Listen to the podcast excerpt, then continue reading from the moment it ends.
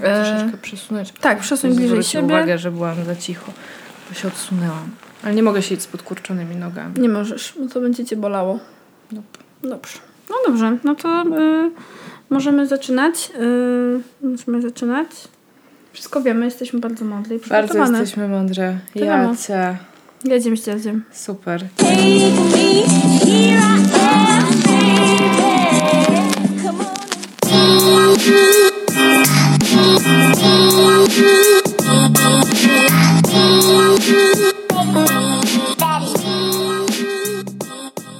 Cześć, ja jestem Zasia. Cześć, jestem Ula. To jest nasz podcast. Halo dziewczyny! Dzisiaj się udało z mega energią. Tak, nagrywamy na pełnej dzisiaj Nie jesteśmy generalnie. zmęczone, jest weekend. Jest niedzielka. Jest spoko. No. Słuchajcie, dzisiaj trochę tak z kopyta zaczynamy, bo też nie mamy dużo czasu, żeby nagrać ten odcinek, hehe, e, bo obydwie idziemy do kina. To jest taki temat, który planowałyśmy nagrać już od dłuższego czasu Si. i się do niego jakoś tam przygotowywałyśmy, zbierałyśmy materiały z głębi naszych mózgownic I pamięci, tak. i pamięci. Fragmentów pamięci. I dokładnie. Ale też postanowiłyśmy zebrać y, jeszcze jeden materiał. Mamy podkładkę merytoryczną do tego wszystkiego, co będziemy mówić. Dokładnie, mamy książkę. Ula, proszę, to jest książka. Ja, ja zrobię wam tak, żebyście słyszały, że mamy książkę. ASMR, książka edition. E, więc mamy książkę. Książka nazywa się Feminist Fight Club i została wydana przez wydawnictwo Buchman i napisana przez Jessica Bennett. Zofia, kim jest Jessica Bennett? E, Publicystką, dziennikarką, działaczką na rzecz praw kobiet. Dokładnie. Książka, Amerykanką. Tak, książka jest amerykańska. i Trzeba to jakby podkreślić. To widać, słychać, czuć i się czyta to bardzo, y, bardzo amerykańskie, ale naprawdę słuchaj, słuchajcie, myślę, że nie wiem, 80% tej książki to są y, absolutnie uniwersalne Ale poczekaj, bo ja mam wrażenie, że część osób może nie wiedzieć, o czym jest ta książka, bo to jest podtytuł. No tak, tak. Książka ma to, podtytuł Jak przetrwać w seksistowskim miejscu pracy. I to jest temat naszego odcinka. Będziemy rozmawiać o seksizmie w miejscach pracy. Może nie będziemy udzielać zbyt wielu porad, jak przetrwać, bo ta książka to robi i generalnie warto polecamy. Niektóre są bardzo fajne, niektóre możemy przytoczyć.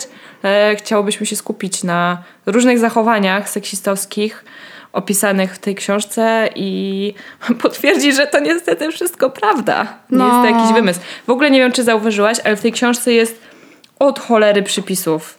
W sensie Tak, na prawie tak. każde stwierdzenie autorka ma na samym końcu przypis, w jakim artykule bądź w jakiej książce, e, na jakiej stronie internetowej można znaleźć potwierdzenie tego, co ona napisała. Więc e, Jessica Bennett, czapki z głów, jak każda kobieta, przygotowała się w 100%. Nawet pewnie w 150, Nawet żeby nie być 150. y, podkopana. Żeby tylko nikt nie mógł tak. Y, No, ale ja często mam z tym problem, jak coś mówię, to zaczynam gorączkowo w pamięci wertować, czy faktycznie mam coś na poparcie tego, co powiedziałam. No, trochę tak jest. Właśnie myślę nad tym seksizmem w miejscu pracy i o różnych innych rzeczach w miejscu pracy też, ale dzisiaj o seksizmie zastanawiałyśmy się od jakiegoś czasu. No bo wiecie, jakby pracujemy trochę już i No, niestety, musimy pracować, żeby żyć. tak. Jak macie jakieś inne sposoby na zlebienie pieniędzy, to nam dajcie znać w sumie. Mm, drzewko pieniężne. Jak ktoś ma Nie jesteśmy w nasionka, Simsach. nasionka na drzewko pieniężne, to poproszę. No i generalnie myślę, że ta książka jest generalnie dla wszystkich y, kobiet i mężczyzn, którzy chcieliby też troszeczkę więcej zrozumieć ze świata, w jakim funkcjonują zawodowo. Ma dużo obrazków, czyta się ją bardzo szybko. My ją w sumie pochłonęłyśmy błyskawicznie od momentu tego, jak wpadła w nasze ręce. I przynajmniej mi towarzyszyło przez pierwszą, na luzie jedną trzecią czytania tej książki, łapanie się co chwilę za głowę i mówienie, o Jezu, jest dokładnie tak w ten sposób. I dokładnie tak było. Ja miałam podobnie. Nie, nie przy każdym, nie przy każdym przykładzie, nie przy każdym rozdziale, ale też e, momentami chciało mi się śmiać, momentami chciało mi się płakać. Książka jest napisana tak, żeby raczej nie chciało się za często płakać, bo to jest jakby taka dosyć lekka, lekka forma, ale jest też dobitna. Tak, ona się generalnie nie skupia na tym, dlaczego jest tak słabo, jak jest. Tak. Tylko to są takie bardziej proste patenty lub sposoby zmiany twojego zachowania, żeby wywrzeć pożądany efekt w środowisku. Z grubsza. z grubsza. Feminist Fight Club. Dlaczego Feminist Fight Club? No to jak przeczytacie w książce, jak już ją sobie przeczytacie, no ale tak w skrócie jest to po prostu taka grupa wsparcia oddolna, e, którą mam nadzieję, że każda z Was słuchaczek ma, czy po prostu grupa przyjaciółek, która może się sobie nawzajem e, wyżalić i jakby, jak to się mówi po angielsku, no, być plecami tej Być drugiej. Po prostu być tam, kiedy coś się dzieje, wali i nie tylko. Też trochę, trochę razem popłakać, trochę razem się pośmiać. Mm, My miałyśmy taką grupę e, za- zawodową, Tak. e, która się dalej utrzymuje. Już e, zmieniłyśmy wszystkie miejsca pracy, ale nadal się ko- kolegujemy. Natomiast kiedy byłyśmy w- wszystkie w tym samym momencie sfrustrowane, to e, takie spotkania właśnie, kiedy po prostu narzekałyśmy, jak No, sobie ja się cieszę, żale. ja się cieszę, że nikt z zewnątrz tego nie słyszał, bo pewnie by, to pewnie by uciekł. No ja bym, ja bym nie mogła słuchać takich rzeczy, ale wtedy byłyśmy w swoim sosie i w tym swoim sosie się tam taplałyśmy i narzekałyśmy, narzekałyśmy, narzekałyśmy i wychodziłyśmy po prostu z tych spotkań z totalnie oczyszczonym systemem. E, zrezygnowane, ale gotowe do stawienia czoła kolejnemu poniedziałkowi. Zrezygnowane, ale wysłuchane. Wysłuchane. Wysłuchane i zrozumiane. Tak, tak. Wszystkie miałyśmy taki sam e, punkt tej referencji. Znałyśmy wszystkie osoby dramatu zaangażowane w temat i często byłyśmy świadkami tych samych beznadziejnych sytuacji zawodowych. Dokładnie. No, więc e, fajnie taką grupę mieć. Mm, I to tyle o Feminist Fight Club. E, no i co? Do mięsa. Do mięsa. Miam, miam, do marchewki. No słuchajcie, jakby książka jest spoko rozbita. Dużo tak będziemy mówić książka, książka, książka, ale faktycznie obydwie przeczytałyśmy. Jest to jakaś tam kanwa tych naszych historii. Mhm. Bardzo taki jakby jasne jest tego rozbicie. Najpierw nazywa się ten rozdział Poznaj swojego wroga. Generalnie są o mężczyznach. W dużym O, no tak, patriarchacie. Dokładnie. I my wiemy, że nie wszyscy mężczyźni, not all men i tak dalej, więc jakby wszyscy chłopacy, tudzież mężczyźni słuchający tego, zluzujcie gumę w spodniach, ha, ha, ha. I wyostrzcie słuch. Dokładnie. Bo możecie się dzisiaj czegoś nauczyć. Ale też nie, oczywiście to nie musi być wszystko o was. Więc na początku autorka zderza nas z, typami kolesi, z jakimi się możesz spotkać w pracy. O jest. I zachowań. Tak. Właściwie kole, kolesi to jest jedno, ale zachowań, które nawet bardzo spoko nasi koledzy raz na jakiś czas uskuteczniali i robili to zwyczajnie z przyzwyczajenia. Tak myślę. Zwyczajnie z przyzwyczajenia. Z, z wychowania, z kultury. elo. Patriarchatu. No. Z systemu, który działa na ich korzyść, no po prostu z grubsza. no i możemy sobie przejść przez kilka takich zachowań. Nie będziemy omawiać wszystkich, które są w książce, bo zajęłoby to strasznie dużo czasu, ale jest kilka takich, które na maksa nam się Przy- Podobały to nie jest właściwe. Przytrafiły. przytrafiły. Yy, To może ja zacznę od sytuacji, która nie mnie się przytrafiła, ale której byłam świadkiem i finalnie w tej sytuacji nie zareagowałam, chociaż może powinnam była. Sytuacja wyglądała tak. Okej, wróg kobiet. Przerywanie im. Przerywanie im na spotkaniach. Przerywanie im w sytuacjach, w których bardzo ciężko jest ponownie dojść do głosu. Mm, Załóżmy, że jesteś, jesteście na spotkaniu z jakimś klientem, no to nie jest moment na to, żeby się ze swoim kolegą kłócić, że on wam przerywa. I y, jedyne co ewentualnie przychodzi wtedy do głowy, to żeby po spotkaniu wyrazić swoje pretensje, ale to też nie zawsze łatwo jest zrobić po prostu.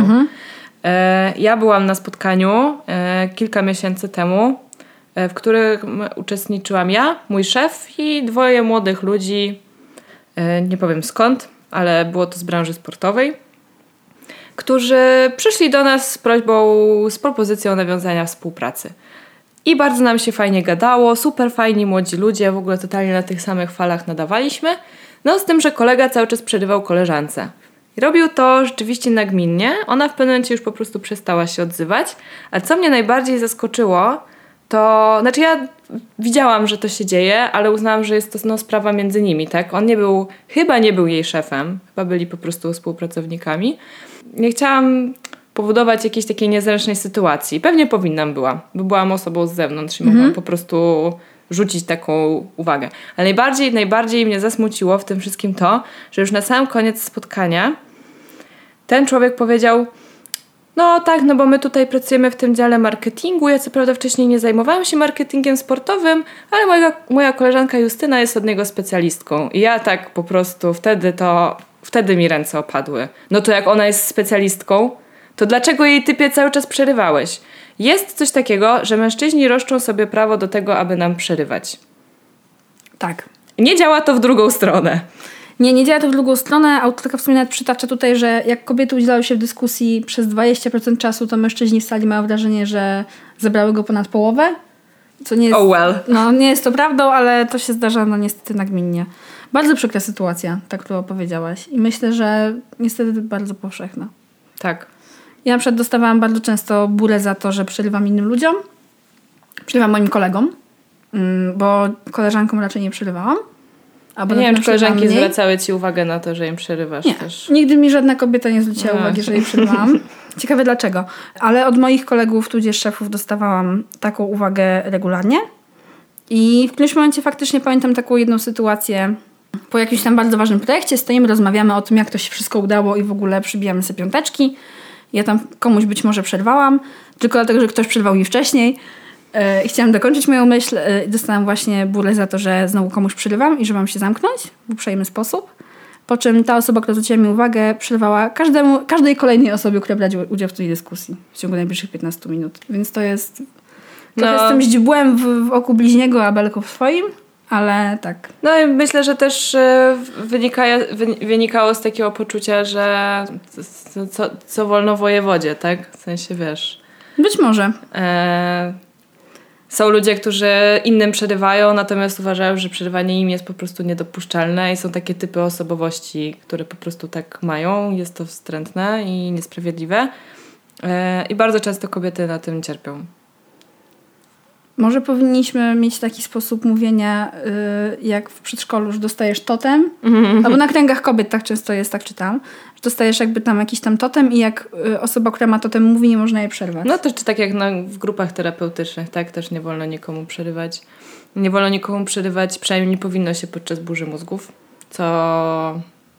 Ja raz, raz byłam na burzy mózgów, która wyglądała zupełnie inaczej niż te na, wszystkie, na które chodziłam i byłam bardzo zdziwiona, że burza mózgów powinna wyglądać tak kulturalnie, bo... Też miała, miała zasady ściśle. Tak, miała zasady. No, No, właśnie. e, generalnie wcześniej myślałam, że to po prostu każdy krzyczy swój pomysł i kto głośniej, nie?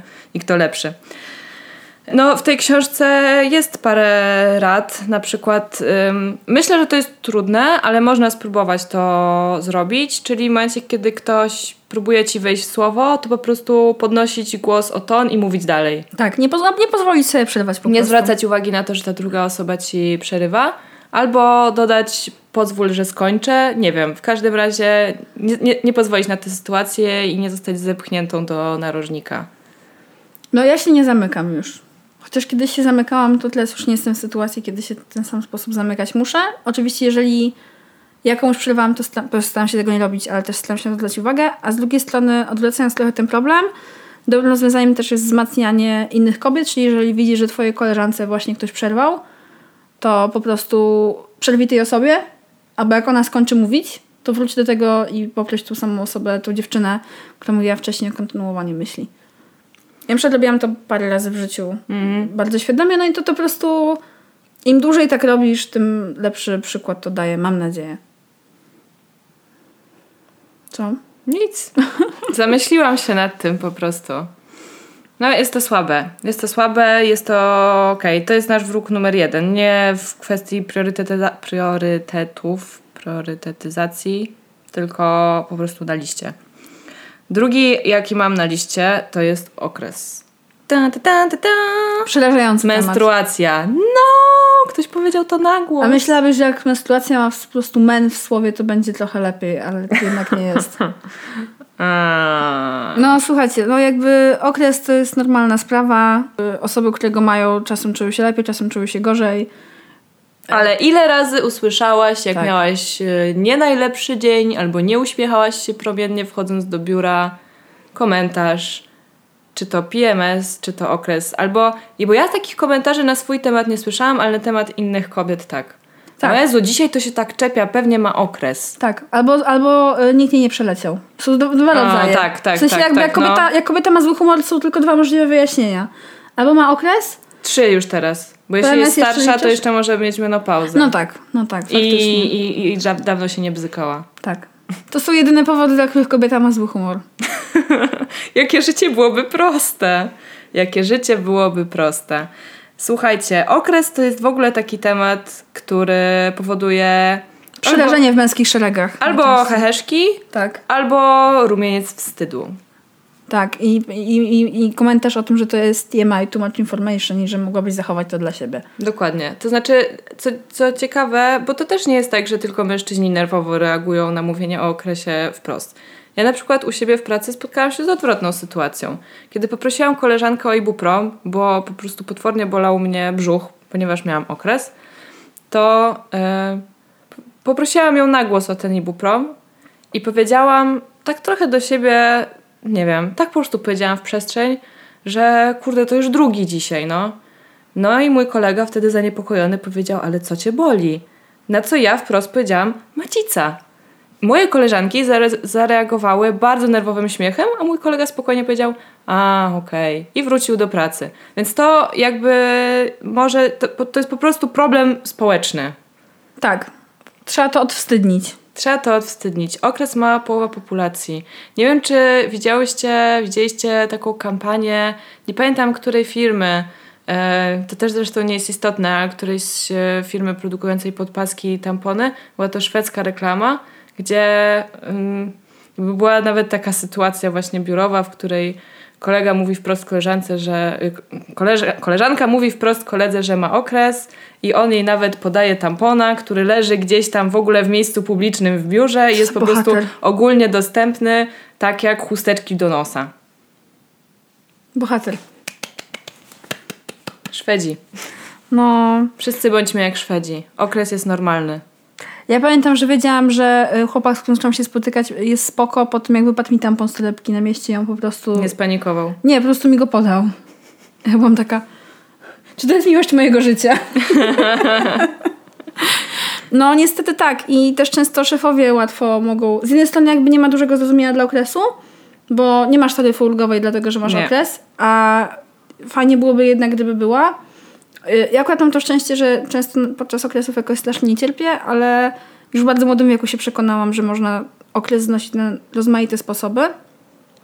I naprawdę niektórzy mają super, super ciężko. I trzeba to uszanować i fajnie byłoby, gdyby, gdyby można było zrobić, żeby ilość pracy, z jaką te osoby muszą się wtedy dzielić, była lżejsza. Mnie to w ogóle jakoś też dziwi. To jest tro, trochę, trochę już na inny odcinek pewnie, ale pamiętam, że miałyśmy w pracy koleżankę, która bardzo źle znosiła swoje okresy i mm, mówiła, że kurczę, w poprzedniej pracy miała szefową i mogła jej wprost powiedzieć, że będzie pracowała z domu z powodu okresu, a teraz ma szefa i nie bardzo wie, jak podejść do tematu. No i to jest y, przykre. E, Mężczyźni kiepsko reagują na opowieści o okresie, ale nie tylko na opowieści, ale właśnie jak, jak ten tampon, tak? No to fajnie, wypadł ci z torebki, twój chłopak ci go podał. Nie było w ogóle żadnej rozmowy na ten temat, bo jest niepotrzebna. Ale mnie spotkało to, że mój szef mi zwrócił uwagę, że na moim biurku leży tampon. I mój komentarz brzmiał, czy tampony są nielegalne. Bo ja muszę go tam mieć, no. On tam musi leżeć. Koniec, kropka. Jest potrzebny. Był nowy, nieużyty. Tak jest. Folii. Tak jest, sterylny. Co innego, gdyś raz zużyty tampon wtedy. No myślę, że myślę, że y, każdy miałby prawo wtedy mieć do mnie pretensje. Teraz mam ten obraz twojego biurka. Przepraszam. E, No niestety, właśnie to albo budzi niezrozumienie, albo przerażenie, czy tam jakąś tam mm, nie dyskomfort. I fajnie byłoby się tego pozbyć, naprawdę. Ja kiedyś o tym gadałam z taką naszą koleżanką, że uważam, że powinna być taka fajna opcja dla mężczyzn, że podłączyli się do tych, wiesz, generatorów prądu, które symulują okres, albo które symulują ciążę czy poród. I uważam, że to byłoby mocne doświadczenie dla wszystkich zaangażowanych. Myślę, że nie byłoby zbyt wielu chętnych. No, rozumiem, ale zakładam, że w miarę równościowego eksperymentu w mojej utopii można byłoby to robić. Dobra, spoko. No, bo jest y, jeszcze jeden temat, z którym chciałyśmy poruszyć, jeżeli chodzi o poznanie swoich wrogów, czyli mansplaining. Nasze ulubione. Czyli wyjaśnianie świata. Mężczyźni wyjaśniają mi świat, jak napisała Rebeka, Rebeka Solnit. Solnit. Polecamy tę książkę serdecznie. Jest super. bardzo smutna. Jest super. W ogóle Rebeka Solnit na szczęście teraz cieszy się popularnością w Polsce i, i są też wydawane jej starsze rzeczy, więc to jest bardzo fajne. Można sobie poczytać. Ta książka jest cienka też, żebyście nie Tak, bo Rebeka się- Solnit napisała parę cegieł też. Tak, ale też eseje są jakby, są też właśnie te formy, które, przez które można szybko przebrnąć. My głównie polecamy takie formy. Jesteśmy zajętymi osobami. Nie, e, no i generalnie jakby tytuł książki wziął się z tego, że Rebeka Solnit była na jakimś tam e, wieczornej imprezie, gdzie mężczyzna e, tłumaczył, mówił jej, opowiadał jej o książce, nie dał jej dojść do słowa i tłumaczył Rebece Solnit e, jej własną książkę. Tego błędnie i wynikało z tego, że tej książki nie przeczytał. Tak. I Ale jej tłumaczył. Kiedy próbowała mu delikatnie zasugerować, troszkę rozbawiona tą sytuacją, że on nie wie, że ona jest autorką książki, że jednak książka jest o czym innym, to i tak cały czas jej przerywał i tłumaczył jej, dlaczego, dlaczego ona nie ma racji, chociaż, e, no tak jak Ula powiedziała, nie przeczytał tej książki. No i to jest po prostu plaga. To jest po prostu plaga naszych czasów. Naprawdę. Nie tylko myślę, że to było y, od zawsze niestety. Odkąd była. No tak, ale teraz, już mogli, teraz już mogliby się ogarnąć. Jednak, a jednak nie. A jednak nadal się zdarzają sytuacje, w których coś, co. y, to jest często na spotkaniach. Mówisz coś, mówisz, mówisz, mówisz, prezentujesz to tak jasno, jak tylko się da, i masz wrażenie, że to było spoko. Twój kolega wtedy wstaje i mówi: Wydaje mi się, że Ula chciała przez to powiedzieć, że. No i. Ula wie, co chciała powiedzieć. Po pierwsze, Ula wie, co chciała powiedzieć. Po drugie, jeżeli tobie się wydaje, że wiesz, co ona chciała powiedzieć, to może lepiej założyć, że wszyscy inni też zrozumieli, co Ula chciała powiedzieć. Może im też się dobrze wydaje. Jeśli nie, na pewno zgłoszą taką wątpliwość. E, No jest to, jest to słabe i bardzo prosimy, aby tego więcej nie robić. bardzo serdecznie na razie grzecznie prosimy. Ja wielokrotnie w moim życiu zawodowym byłam oczywiście ofiarą seksizmu, byłam też ofiarą ageizmu, a czasami byłam ofiarą super koktajlu ageizmu połączonego z seksizmem. Czy jest za młoda i kobieta? Tak, na, na stanowisku, albo po prostu wykonująca obowiązki, w których decyduje się o rzeczach. Bardzo szybko najczęściej. Ja uważam, że nie mam problemu z decyzyjnością w kwestiach zawodowych i decyzje podejmuję dość szybko. Do tego często mam jakąś wiedzę w tematach, y, które są powiedzmy męską domeną. I bardzo często mi się zdarzało, i niestety do tej pory dalej mi się zdarza, mimo zmarszczek, że ludzie po prostu kwestionują to, że na przykład mówię, jak mają działać te komputery, albo że da się coś zrobić w tym momencie na tym komputerze i ja o tym wiem, że to się da zrobić. I jak słyszę, że nie, nie da się, albo jak ktoś mi tłumaczy, dlaczego się nie da, i ja mu tłumaczę, nie, da się i zróbmy to w ten i w ten sposób, proszę zrób to. Bo jesteś w pracy i wykonujesz swoje obowiązki, to no, słyszę jakieś tam różne, różne historie, że daje się, się nie da. I tego jest niestety cała, cała masa. Próbuję znaleźć No, w tej książce, jaka tu jest metoda walki z mansplainingiem. bazuka.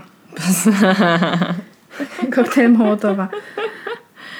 E, naprawdę, słuchajcie, jakby mówienie wiem, dziękuję, nie działa. Niestety, przynajmniej u mnie niestety nie działało. Może mówiłam to za cicho albo zbyt miłym tonem.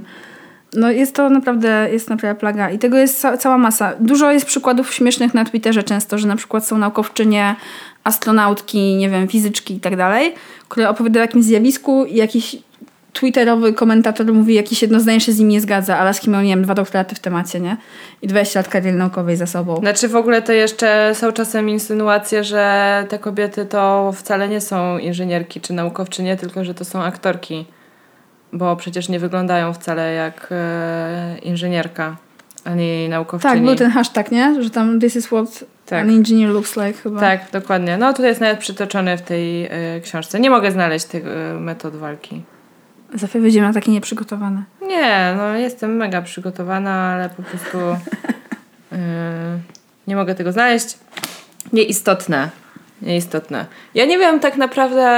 mm, wydaje mi się, że w walce z mansplainingiem potrzebujemy bardzo silnego frontu kobiecego po prostu. Potrzebujemy tego, żeby stawać w swojej obronie w takich sytuacjach czy na takich spotkaniach i po prostu zbiorowo rzucać się na takiego człowieka, rozszarpywać go zębami. A tak naprawdę to mówić mu, że jakby halo, typie, Ona wie o czym mówi. zrozumiałyśmy, co nasza koleżanka powiedziała, nie musisz tego powtarzać po raz kolejny. No. Ja na przykład robię femsplaining. Jestem przemądrzała i mam dużą wiedzę, więc totalnie wyrównuję szanse. No, ale tak, obok, me- obok mansplainingu leży też manspreading, czyli rozwalanie się kopytami mężczyzny, w, głównie w środkach y, komunikacji miejskiej, tudzież na spotkaniach. To już chyba o tym kiedyś wspominałyśmy. Najlepszą metodą, jeżeli jesteś w stanie się przemóc i to zrobić, jest y, zajęcie krzesełka, tudzież fotela obok takiego osobnika i rozparcie się swoimi nogami na całą szerokość. Ja na przykład to uskuteczniam w metrze lub w kinie. No jest to, Jest to nieprzyjemne dla to wszystkich nieprzyjemne. zaangażowanych, ale skuteczne jak jasna cholera. jest to też bardzo trudne. Wydaje mi się, że wiesz, Trzeba się przemóc. wszystkie byłyśmy wychowane tak, że mamy siedzieć yy, z kolanami złączonymi. No jeżeli któraś z was była inaczej wychowana, to super. Jakby ekstra, fajnie. Ale no ja, ja, ja bardzo często słyszałam, że jakby nie tylko się chodzi, mówi, biega jak dziewczyna, ale też się siedzi jak dziewczyna i, i, i kobieta po prostu łączy nogi, kiedy, kiedy siedzi i myślę, że ciężko jest. Ja na przykład w ogóle nie znoszę dotykać obcych ludzi, więc manspreading mnie obrzydza, bo po prostu nie cierpię, jak kolano obcego faceta dotyka mojego uda albo mojego kolana. E, I po prostu próbuję wtedy się jeszcze bardziej zwęzić, żeby jak najmniejszą powierzchnią skóry, czy tam nawet jeżeli to jest skóra w, spodniach, e, żeby po prostu się stykać z takim męskim udem i kolanem. Bleh. No. Ja nie mam innych sposobów na walkę z tym niestety. Na manspreading. E, wiesz co? Ekspansja terytorialna z mojej strony. Jest jeszcze coś, co większ, czego większość nas się boi jeszcze bardziej niż e, delikat, de, No. de, znaczy delikatnej, tak naprawdę, znaczy niż sugestii takiej no, niewerbalnej, czyli właśnie rozpychanie się, to jest po prostu zwrócenie komuś uwagi. Tak, ale ja jestem tak pasywno-agresywna. Ja myślę, że kie- kiedyś moja koleżanka na Facebooku opisała sytuację, w której e, właśnie panowie siedzieli tak, jak siedzieli i e, pomiędzy nimi było wolne miejsce, ale zajęte przez ich kolana de facto. No i nikt się nie odważył poprosić ich, żeby się przesunęli, aż wsiadła jakaś starsza pani, która po prostu musiała usiąść i dobitnie im powiedziała, że jakby zajmują dużo więcej siedzeń niż powinni. No i jakoś tam to było. Ona jakoś po prostu użyła jakiejś fajnej takiej, wiecie, riposty. E, Wcięty sposób, I panowie się uwagę. przesunęli, tak? Tylko, że starsza pani też często ma rangę wieku, której my nie posiadamy. Ktoś może nam po prostu odpyskować, jeszcze będzie nam super, super nieprzyjemnie przez Tak, resztę a, a dnia. jak się zrobi agresywnie, to już w ogóle To już w będzie ogóle niemiło. mamy skopany dzień wtedy. Mi się przypomniało, że byłam kiedyś e, świadkiem, jak jedna starsza pani właśnie siedziała e, w metrze i miała parasolkę, taką długą, nie to taką krótką, tylko taką długą i wbiła kolesiowi w stopę. Niby przypadkiem, ale ja patrzyłam na to, co robi, byłam w ICU. E, Było to bardzo zabawne. Ale tak zrobiła to delikatnie, ja to zrobiła mocniej. Ale w sumie ja też nie, nie ciebie ludzi parasolkami. Ale to było bardzo śmieszne i to jest po prostu skuteczne. No po prostu y, trzeba y, wykurzać niektóre osoby ze swojej przestrzeni, żebyśmy zajmowali jej możliwie porówno. Ale w niektórych krajach, na przykład w Hiszpanii, jest, są specjalne naklejki w autobusach i w metrze e, z ikonką. Jest to kolejne chamskie zachowanie w komunikacji miejskiej, tak, jak słuchanie muzyki Bez słuchawek. bez słuchawek, czy jedzenie kepsa, z którego cieknie sos i który bardzo mocno pachnie. E, czy nie wiem, no jest tak, jest cały, generalnie komunikacja miejska, każda ma jakiś swój regulamin, są rzeczy, których nie wolno robić. Na przykład prosi się o to, żeby ludzie nie rozmawiali głośno przez telefon, bo to przeszkadza innym. E, I ro- szerokie siedzenie e, w autobusie, metrze czy tramwaju na wspólnych ławkach jest po prostu jednym z takich zachowań niemile widzianych, niepożądanych. Więc w momencie, kiedy to się znajduje na takiej tablicy, to trochę łatwiej jest komuś zwrócić uwagę, bo ludzie nie mają tak dużego problemu z tym, żeby zwrócić uwagę osobie, która na głos słucha muzyki. To a może mandaty? Awizo. Punkty karne. No i wiecie, mógłbyśmy tak jeszcze dużo, dużo o tych wszystkich mężczyznach, tu, tudzież męskich zachowaniach, yy, które się przewijają w tej książce. Chociaż autorka zwraca też uwagę na to, że są często kobiety, które są wrogami innych kobiet. Mhm. My miałyśmy takie szczęście, że ich za bardzo w życiu nie spotkałyśmy i raczej idziemy w siostrzeństwo albo przynajmniej w neutralną koegzystencję. Tak, niemiłe kobiety, które ja spotkałam, były niemiłe porówno dla wszystkich. Tak. Dla mężczyzn Nie dla wybierały. kobiet. Nie wybierały, nie. Po prostu były nieprzyjemnymi osobami. I takie też się zdarzają. No wiadomo, tak też będzie. No ale generalnie, że autorka chce rozmontować w jakiś sposób systemy, systemowo patriarchat powiedzmy tymi rzeczami, to, to się skupia na tym. Ale też całkiem pokaźną ilość książki zajmuje y, samosabotaż, autosabotaż. Jesteśmy niestety mistrzyniami w podtrzymywaniu patriarchatu i seksistowskich zachowań swoimi zachowaniami. Tak, albo brakiem reakcji na inne zachowania. Otóż to.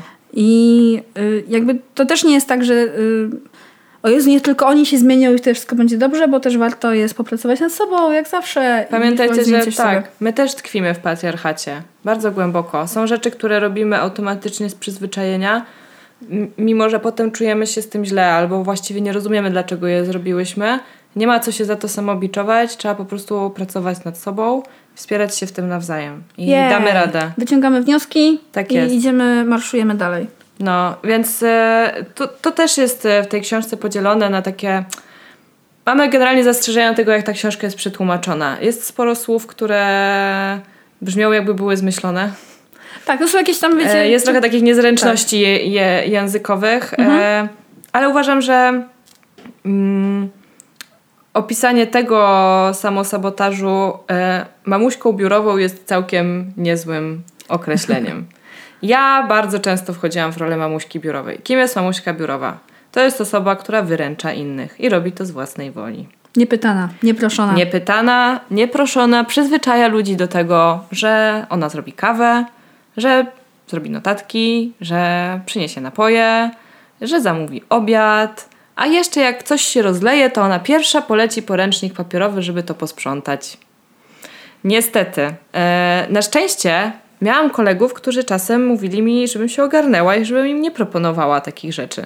Zdarzyło mi się to, więc e, szacun dla Was, panowie. Mm, ja jakby tak zostałam wychowana, e, żeby zwracać uwagę na to, jak się inni ludzie czują i powiedzmy starać się, żeby poczuli się jeszcze lepiej. Co niestety może się obrócić przeciwko kobietom ogólnie. No tak. Bo ludzie z czasem przyzwyczajają się do takich zachowań i potem mogą być zaskoczeni, jeśli ktoś ich nie prezentuje i być tym rozczarowani, Jeśli ich niezadowoleni. nagle nie ma, no jeżeli wiesz, zawsze mieli y, kawę i wodę, nagle jej nie mają, no to też była zdziwiona. Ja nigdy nie oczekiwałam, że ktoś mi przyniesie kawę. No ja w sumie też nie. Eee, ale tak, no. Inni z tego korzystają po prostu. To jest wygodne. Taka osoba jest wygodna i bardzo ciężko jest potem się z tego wykręcić. Jeżeli stwierdzasz, że już masz dosyć albo nie masz ochoty ani siły, niestety nadal będzie, może, może powstać oczekiwanie, że pewne rzeczy będziesz robić nadal za innych.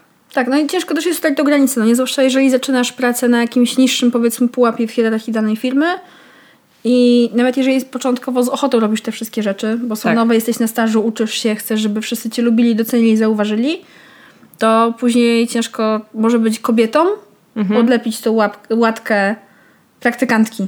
Tak, zauważyłaś, że w ogóle tak troszkę off topic. Nigdy, ja, ja w sumie w pracy w życiu nie spotkałam się ze stażystą płci męskiej. Y, Ja też nie. Były tylko stażystki. Tak. I jeszcze jak były później już rekrutowane, yy, no to też były rekrutowane w taki z takiej grupy, czy w taki sposób, który wydawał mi się być również dość seksistowski. Albo przynajmniej pamiętam, że pewne CV były oceniane na Po- podstawie po zdjęcia, że tak powiem. Mm. A nie na podstawie potencjalnych kompetencji, czy tego, czy były dobrze napisane, czy nie. No tak, jest to strasznie słabe, a mi się teraz przypomina też historia mojej przyjaciółki, która pracowa- pracowała i była na stażu w bardzo męskiej branży. I przyszła na staż ona jej kolega ze studiów. Mieli dokładnie, dokładnie to samo doświadczenie, edukację, no po prostu wszystko, tylko ona miała żeńskie, ona miała żeńskie imię, on miał męskie imię. Mieli wykonywać to samo, byli na tym samym jakby stażowym stanowisku. Ją od razu chcieli wtłoczyć jako sekretarkę, parzenie kawy, segregowanie dokumentów, a jego brali do praktycznych czynności, żeby się więcej nauczył. No właśnie, no to też jest w tej książce opisane, tak? Że niestety bardzo często w ogóle sama autorka pisze, że będąc na stażu w jakichś redakcjach orientowała się, że jej koledzy dostają już normalne zadania, takie profesjonalne. Tak. A ją poproszono o wysłanie maila, paczki bądź zrobienie kserokopii jakichś dokumentów. No właśnie trzeba uważać na ten moment, żeby po prostu przy tym ekspresie do kawy się nie przykuć łańcuchem, nie zostać tam na zawsze. Otóż to. No, bo... Ale samo przypomniałam się, że nie widziałam nigdy praktycznie żadnego mężczyzny recepcjonisty. No, ja widziałam w takich miejscach jak na przykład y, szpital. No tak, jakby nie mówię o, Tak. u- o urzędnikach, że tak powiem, czy instytucjach No, w biurach rzadziej. O, o, tak, o przestrzeniach Zde- takich. zde- zdecydowanie tak, zdecydowanie tak. No po prostu mężczyźni w, z, jakby dziejowo nie zgłaszają się na takie stanowiska.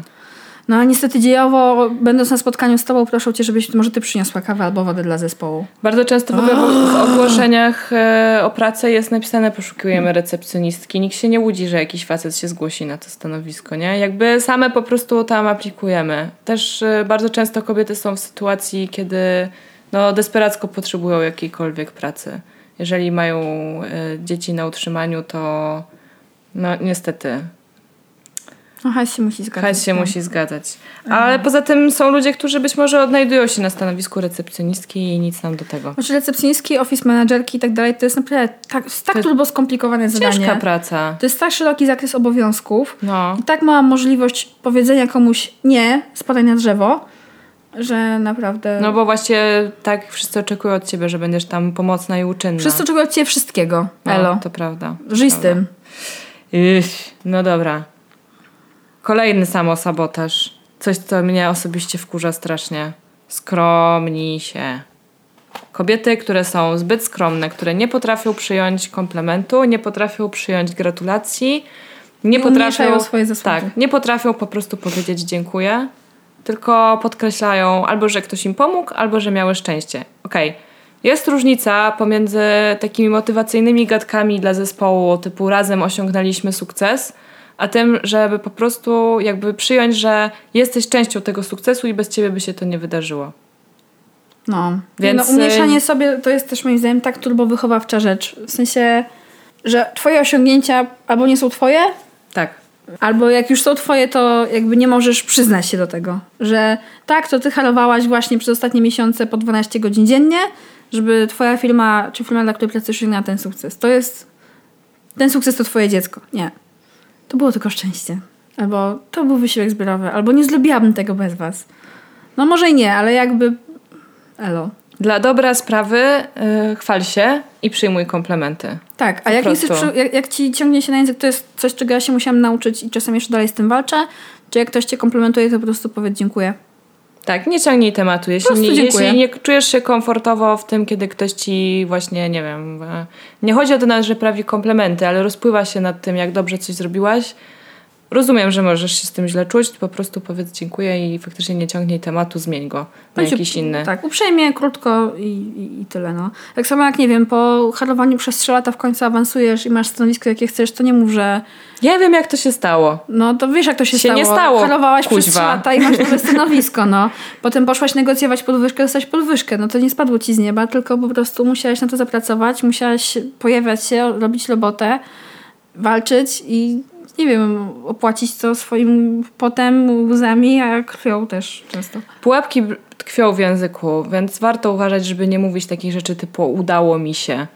Nie, nie udało mi się, to tak trochę sugeruje, jakby właśnie ci to Siłę wyższą. niechcący ci się to udało. Nie, zapracowałaś na to, ogarnęłaś temat, przygotowałaś się, jesteś super.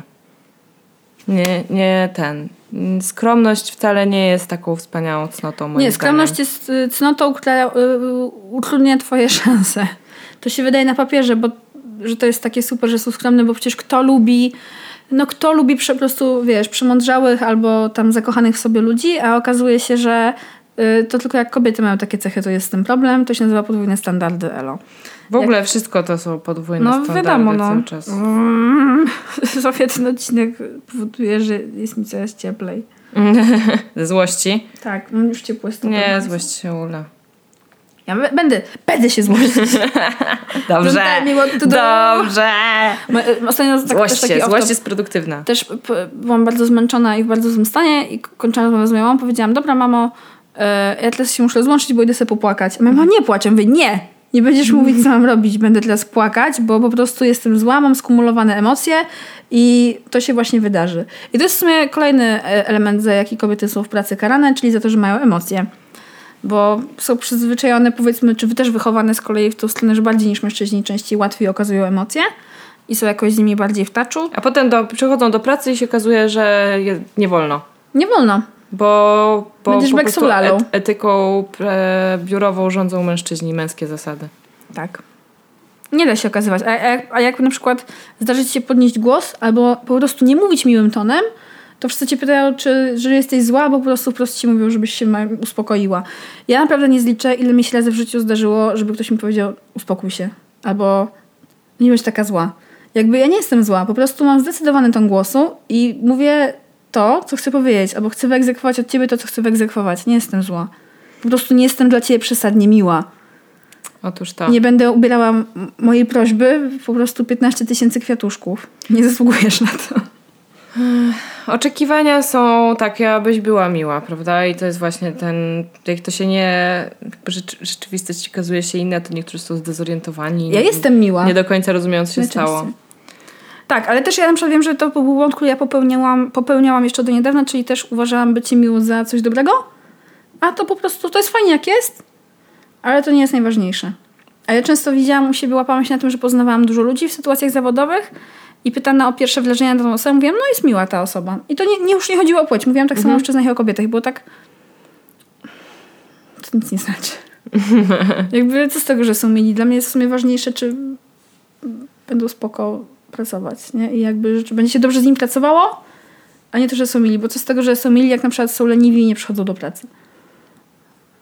Miałam taką sytuację ostatnio. Ale bardzo miły człowiek, bardzo miły. Bardzo miły obibok. No. No i też jest właśnie takie, widzisz, że też y, wydaje mi się, że standardowo mężczyznom łatwiej uchodzi płazem o bibokowanie się, albo nawet na nie nie chodzi, tylko chodzi o to, że mężczyźni są na tyle odważni lub slash bezczelni, że mogą sobie... Na przykład w mojej głowie nigdy nie, pos- nie powstał scenariusz, dobra, nie będę teraz chodziła do pracy, bo coś tam, tak? Albo no, nie wiem, dzisiaj tam tu ucieknę, tu ten, nie licząc tego jednego razu, kiedy wyszłyśmy z pracy. A tak był wysiłek grupowy moim zdaniem. Pewnie sama sobie bym na to jakoś nie pozwoliła. A nie, myślę, że czułabym się źle, yy, gdybym wiedziała, że codziennie nie pracuję i że robię sobie w pracy taką, wiesz, przerwę i udaję i jakby tam, wiesz, tam się No, ja tym- się z tym nie czuję źle. ja robię takie rzeczy. Tylko cicho. Nie mówcie nikomu. Nie, no mi się zdarza trochę oszukiwać w pracy. W sensie zorientowałam się, na, nie wiem, kto z was pracuje e, na pełen etat, e, 5 dni w tygodniu, ale umówmy się, że nie da się pracować przez 8 godzin dziennie. Nie, to jest jakieś... No po prostu się nie da. Najczęściej w ogóle nikt nie ma tyle pracy, aby musiał pracować aż 8 godzin dziennie.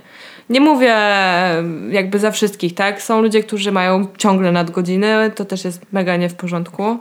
Ale no ja parę razy byłam w takiej, parę razy, wiele razy byłam w takiej sytuacji, że tak naprawdę o 15 to u mnie już było pozamiatane. Jedyne do czego byłam, jakby tam co jeszcze mogłam zrobić, to podpisywać do 17 na jakieś maile. Tak, czekasz aż maile wrócą. No więc y, trzeba sobie radzić z tym jakoś, bo do 17 musisz wysiedzieć. Widzisz, to właśnie może ja mam z tym problem, ponieważ cierpię na ostatnią rzecz, jaką chcemy omówić w tym segmencie, czyli syndrom oszustki. Mhm. Mi się wydaje, że jak po prostu na coś nie zacharowałam, to to w ogóle nie istnieje, to nie jest moje osiągnięcie. Na pewno wszyscy się ogarną, że ja tak naprawdę nic nie umiem i będzie, będzie głupio. Jestem totalnie po, po twojej stronie i również na to cierpię. I nie, nie spotkałam się z kobietą, e, która by na to nie cierpiała, przynajmniej może inaczej.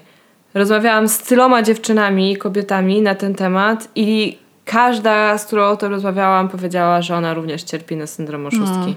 Że tylko nawet niektóre były zaskoczone, że w ogóle inni też tak mają, inne też tak mają i że jest na to y, w ogóle taki termin. Tak, jest to ca- całe pojęcie. Mm, mam przyjaciółkę, która zajmuje się scenografią i powiedziała mi, że ona zawsze idzie na spotkanie produkcyjne, to jest przekonana, jak, jak musi się odezwać, musi coś powiedzieć, jest jakby jej kolej, to mówi po prostu głos mi się łamie, muszę się naprawdę wysilić, żeby powiedzieć coś na głos. Jestem przekonana, że zaraz po prostu wszyscy się zorientują, że ja nie umiem nic. To nie jest prawda, oczywiście. Gdyby nic nie umiała, to nie zrobiłaby tych projektów wszystkich, które zrobiła, zrobiła ich bardzo dużo. E, Ale tak, po prostu tak mamy. Ja też mam takie poczucie. Ja na przykład cały czas gorączkowo myślę, na jakie studia powinnam pójść jeszcze dodatkowo y, podyplomowo, czy tam zaocznie, czy wieczorowo, żeby, żeby mieć podkładkę do robienia pewnych rzeczy. Nie? Żeby mieć papier, który poka- Żeby mieć pokaże... na to glade. No. No straszne, straszne to jest naprawdę. Tutaj yy, tej książce jest dużo przykładów znanych i lubianych kobiet ze świata biznesu, polityki czy Show wielkiego biznesu. ekranu, czy Mm. show biznesu. Eo. E, łącznie z tym, że Meryl Streep, e, która ma, nie wiem, Oscarową rekordzistką i najbardziej chyba uznaną aktorką ever. Którą kochamy nad życie. Tak, mówi, że ona najlepsza nie ma pojęcia, aktorka na świecie. nie ma pojęcia o, o co wszystkim chodzi, przecież ona nie umie grać. I nie wie, jak, nie, nie wie jak grać i nie wie, zaraz mi się to wszystko się skończy. Słuchajcie, no i może to jest takie troszkę podnoszące na duchu, tak? Skoro wszystkie tak mamy, to uznajmy wreszcie, że to nie jest prawda. Że tak nie jest. Że jakby skoro Meryl Streep, czy Michelle Obama, czy Hillary Clinton obawiają się, że one chyba jednak nie nadają się do tego, co robią fantastycznie, to co dopiero my z naszymi, no przed nami nie stoją aż takie wyzwania jak, nie wiem, kampania prezydencka. Mm. Fujka, bardzo dobrze nie stoją. Ja też się cieszę. Nie, nie, nie chciałabym. Nie, nie chciałabym. Ale tak czy inaczej, wielkie kobiety tego świata też się tak czują. Więc spokojnie Dzielujmy z tym. ogarniemy to. Spokojnie, to tylko awaria. No, tak to. No słuchajcie, możemy tak mówić i mówić o tych wszystkich rzeczach. Naprawdę fajnie byłoby, mm, żebyście się nad tym zastanowiły, co spotyka was. Może się też w tych treściach odnajdziecie. Moim zdaniem to całkiem spoko porządkuje te wszystkie rzeczy. To ten cały temat. Żeby tak bardzo tej książce nie słodzić, to oprócz tego, że wspomniałyśmy, że z tłumaczeniem, tłumaczenie czasami kuleje, ale dalej książka jest czytelna i, i idzie wszystko zrozumieć z grubsza, no to jeszcze mnie akurat irytował y, taki trochę brak takiej intersekcjonalności w tym feminizmie i taki trochę waginocentrum, że jest tam dużo słów związanych z waginą czy z klitorisem i w ogóle to jest takie, te słowa też brzmią dziwnie, bo są, to też jakby polski nie, nie, nie służy może do końca do akurat takich zbitek.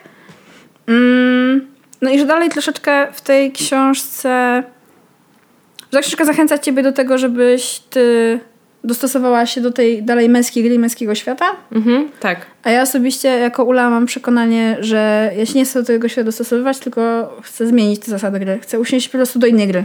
Jest tutaj rozdział, który nazywa się What Would Josh Do? Jakby analogicznie do What Tak. Would Jesus Do? I w skrócie opowiada o tym, że ona w pracy miała takiego kolegę, który miał na imię Josh i jemu wszystko zawsze wychodziło. I w pewnym momencie ludzie już, e, żeby dowiedzieć się jak to jest możliwe, zaczęli po prostu obserwować go i robić notatki i okazało się, że Josh ma po prostu przekminione strategie na różne sytuacje. Na przykład co robić, żeby nie zajmować się tym nudnym zadaniem, które zostało mu powierzone. Generalnie typ po prostu w moim odczuciu jest śliski i sprytem, trochę cwaniactwem, na pewno dużą inteligencją prześlizgiwał się po kolejnych szczeblach e, kariery. I wiecie co, niektóre z tych zachowań tego rzeczonego Josha po prostu wydają się żenujące i nieprofesjonalne. Tak, i lepiej i słabe. ich nie emulować. Ja na przykład też miałam, jak czytam ten, to, ten rozdział, miałam taką rozkminę, okej, pomyślałam sobie o jakimś tam koledze z pracy, tak, któremu powiedzmy sobie jakoś tam dobrze szło, myślę sobie, dobra, czy ja chcę zachowywać się ten, jak ten koleś? I mogą mi odpowiedzieć, brzmi, nie, nie chcę. Jakby w ogóle nie jestem zainteresowana takimi zachowaniami, nawet jeżeli mają mi przynosić korzyści. Hmm. Lepiej zachować się w sposób, który będzie zgodny ze mną. Warto popatrzeć, co mężczyźni robią inaczej niż my. I na pewno są zachowania, które można zaimplementować. Generalnie jako kobiety często mamy problem z odmawianiem i boimy się, że ktoś będzie na nas zły, jak odmówi, a ja wielokrotnie widziałam, jak moi koledzy mówią, że czegoś nie zrobią, bo nie. Zdarzyła mi się taka sytuacja w piątek. Mój kolega się upierał, że on nie będzie robił. Nie, on nie będzie tego robił. Nie, to nie jest jego praca. Mimo, że jakby jest odpowiedzialny za daną działkę i powinien się tym zająć. Nie, on nie będzie tego robił. To akurat nie była sytuacja, która jakby dotyczyła tego, że ja mam to zrobić albo inna kobieta ma to zrobić, ale generalnie po prostu nie i koniec. No i trochę tak, co masz z tym dalej zrobić? No powiedział nie. No to tego pewnie nie zrobi. No cóż, no to będzie miał niezrobione, bo nikt tego nie zrobi za ciebie, typie, ale no ogólnie powiedział, że nie. nie. Nie, w życiu nie zetknęłam się z tym, żeby któraś moja, z moich koleżanek tak stanowczo powiedziała, że Tak. czegoś nie zrobi. Bo zdarzało się, mnie, mnie się zdarzało odmawiać. E, I uczę się to robić. Ale jeżeli, wiecie, przychodzi do mnie szef całej firmy i mówi mi, że mam zadzwonić po kuriera, to nie mówię mu, że tego nie zrobię, chociaż jestem wściekła, bo nie jestem sekretarką, asystentką ani nikim takim. No ja z tym odmawianiem mam tak, że z jednej strony też mam z nim problem i też się tego uczę i ostatnio nawet mi się udało, ale Też miałam taką sytuację w pracy, że odmówiłam czegoś zdecydowanie i to się spotkało z niezrozumieniem ze strony mojego y, kolegi slash szefa i z takim wręcz y, zirytowaniem z tego, że odmówiłam. A to nie było jakieś tam, wiesz, straszne polecenie służbowe, tylko coś, czego co po prostu jakby nie, nie miało to znaczenia świ- światowego, nie było kodem nuklearnym. E, ale z drugiej strony teraz jak uczę się odmawiania, to myślę sobie, dobra, co będzie najgorszą rzeczą, jaka się może wydarzyć? No najwyżej mnie ktoś wyśmieje albo się nie dogadamy. I jakby bang, tyle. Świat się nie skończy, ja nie umrę. Kryzys klimatyczny tak nas dojedzie. Dobra. To na inny odcinek. Też będzie miały na to czas. No. Nie, najgorsze jest to właśnie, że dla mnie tkwienie w tym w tym seksistowskim miejscu pracy po prostu powoduje w którymś momencie, że a przynajmniej spowodowało w moim przypadku trochę utratę poczucia własnej wartości Mhm. i, i taki, taki dołek z tym związany, ale też w którymś momencie miałam taką po prostu schizę, że ja nie wiem, czy już czy tak jest, jak oni mówią, czy mi się tak wydaje i już trochę wariujesz. Bo nie wiesz, jak się naprawdę zachowujesz, skoro tobie się wydaje, że zachowujesz się ok, albo tak jak chcesz się zachowywać, a dostajesz sygnały, że to nie jest mile widziane na przykład. Tak, no. I to miesza w głowie. No to w ogóle subtelny seksizm, znaczy nie żyłam w czasach Madmenów, yy, na szczęście, tak, i, i nie żyłam w czasach, kiedy y, nie było mm, powiedzmy, że ogólnie akceptowalne było to, że można było uszczypnąć albo klepnąć w pośladek sekretarkę. E, Na pewno były to potworne czasy i cieszymy się, że to jest za nami. Natomiast W naszym e, przypadku myślę, że są kelnerki, które na to cierpią. tak, natomiast obecnie żyjemy w czasach, kiedy już nie można być wprost seksistką, przynajmniej w dużych y, jakichś organizacjach, które dbają o swoje reputacje, więc te subtelne formy różne, które opisywałyśmy tutaj, właśnie mogą sprawić, że mm, czujesz, że wydarzyło się coś niehalo, czujesz się z tym źle, wiesz, że zostałaś źle potraktowana, ale bardzo ciężko jest to nazwać. No i to jest fajne w tej książce właśnie, że ona to nazywa. Konkretne sytuacje na konkretnych przykładach jej własnych, jej koleżanek, czy właśnie osób znanych ze świata. E, Jest masa cytatów, które potwierdzają to. Po prostu nie zwariowałaś, jeżeli czujesz, poczułaś się źle, to najprawdopodobniej wydarzyło się Coś złego. coś złego. Dokładnie. I ta książka może pomóc ci to nazwać, zrozumieć i potem z tym walczyć. I szukać e, wsparcia wśród innych kobiet i zapytać, ej, czy mi się wydawało, czy to było seksistowskie? Ja prawie zawsze słyszę, tak, to było seksistowskie. Tak, a jak nie jesteś pewna, to możesz sobie odwrócić rolę w twoim pytaniu i Mhm. zobaczyć, czy gdyby to był mężczyzna, wtedy, czy to dalej był seksistowskie lub śmieszne lub cokolwiek. I, no i to może pomóc ci trafić na właściwą odpowiedź. To jest taka jedna rada, którą ja postaram się wypróbować wkrótce, ponieważ e, w moim środowisku pracy pada bardzo dużo seksistowskich żartów. E, W tej książce jest taka metoda e, na udawanie głupiej. Czyli prośba, żeby ktoś ci wytłumaczył, dlaczego ten żart jest śmieszny, bo go zwyczajnie nie zrozumiałaś. I jestem bardzo ciekawa, jaki to może przynieść efekt. Bo.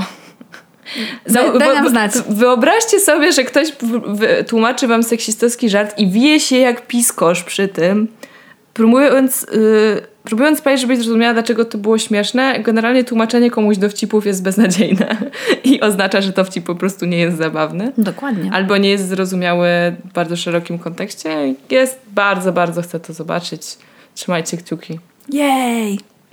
No dobra, słuchajcie, to tak, książka polecamy. E, szybko się czyta, Tak. jest przystępna i łatwa w odbiorze. Mogłybyśmy tak mówić jeszcze godzinami, bo ja widzę, że wyczerpałam chyba jedną trzecią moich notatek. Ja też nie wszystko powiedziałam, ale możliwe, że wiesz co, możliwe, że pewne rzeczy, pewne rzeczy nie nadają się do powtórzenia po prostu dalej. hu, hu. No dobra. A jeżeli wy macie jakieś rzeczy, którymi byście się chciały lub chcieli z nami podzielić, to zapraszamy. Można do nas pisać na nasz adres mailowy halodziewczyny małpa gmail.com Można do nas pisać również na Instagramie oraz na Facebooku. Piszcie wyszukiwarki Halo Dziewczyny, na pewno nas znajdziecie. Tak, będzie nam bardzo miło, jeżeli nas zaobserwujecie na Spotify'u, zostawicie recenzję na iTunesie jakąś pozytywną, tudzież, żeby rozpropagować nasz podcaścik, nasz podcast, naszą audycję, nie, będzie, nie będę zlabniała, to będzie nam bardzo miło, jeżeli polecicie go jakiejś jednej waszej fajnej koleżance, której to by się może spodobało, albo zrobiły Instastory i nas oznaczyły. Jej! Elo! Elo. Dobra, dbajcie o siebie, uważajcie na siebie i wspierajcie się nawzajem. Siostrzeństwo! Pomagajcie swoim koleżankom, jak widzicie, że są w opałach. Serio, to później wraca i, i nie ma nic lepszego niż duża grupa silnych, fajnych kobiet. Tak, dokładnie. Wspólnie pracujemy sobie na tym, żeby było gorzej, ale też możemy wspólnie popracować, żeby było lepiej. A jak jesteście szefowymi, to dbajcie o to, żeby u was w biurze pa- panowała atmosfera przyjazna kobietom. I promujcie kobiety i pchajcie je do fajnych, ambitnych zadań. Wiecie, mentorujcie im. Wy miałyście ciężko na pewno, one też mają. Niech mają lepiej. Niech mają lepiej. Na tym polega progres. Jej, dobra, fajnie. Dobra, no, to co, do usłyszenia. pa. Take Daddy.